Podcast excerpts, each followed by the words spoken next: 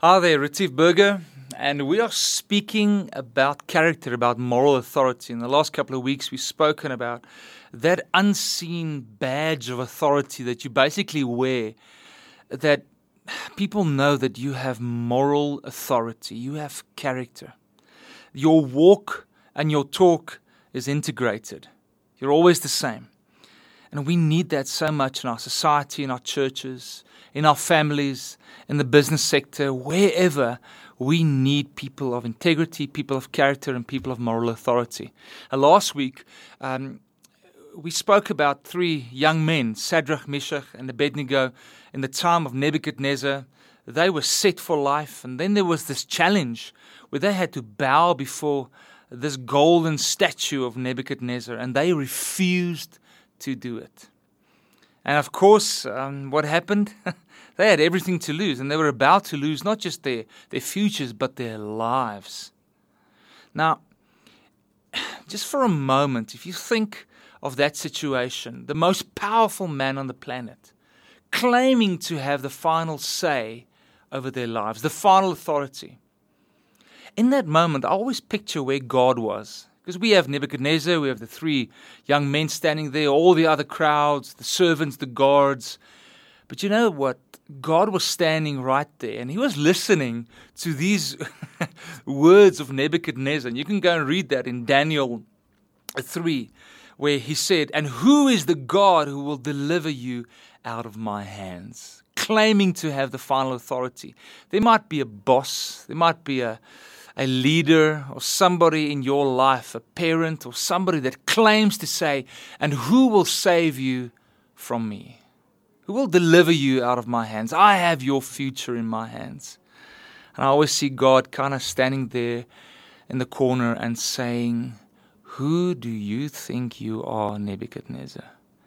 And kind of la- laughing and saying, Do you have any idea how small and how puny you are? You can actually go and read the chapters after chapter 3, how God literally brought something over Nebuchadnezzar to humble him. He, he became literally mad. He, he was like an ox uh, walking around in the field. He was absolutely um, shoved out of the kingdom and out of society. And then he came to repentance, and God restored him. You see, that's the way God looks at other people in our lives who claim to have the final authority. Friends, who are you trusting for to have the final say, who is sovereign over your life? I know it's difficult. And like these three young men, what they faced was a fiery furnace. But they knew deep down that their source of security was not Nebuchadnezzar, it was God. He sovereignly had everything of their life in his hands. He had the final say, he had the final authority, and, and that's why they could face whatever outcome would happen in this fiery furnace. Verse 19 of Daniel 3 says that they were bound and thrown into the fire. They had no chance of escaping. But um, something happened in that fire. A fourth person appeared Jesus. Was someone that uh, Nebuchadnezzar exclaimed and he said, Hey, uh, uh, it looks like a son of the gods. You know, the amazing thing is, whatever test you and I face, whatever consequence we face, because we choose character, choose to obey God and not people, that fire, that test, God will walk with you into that fire.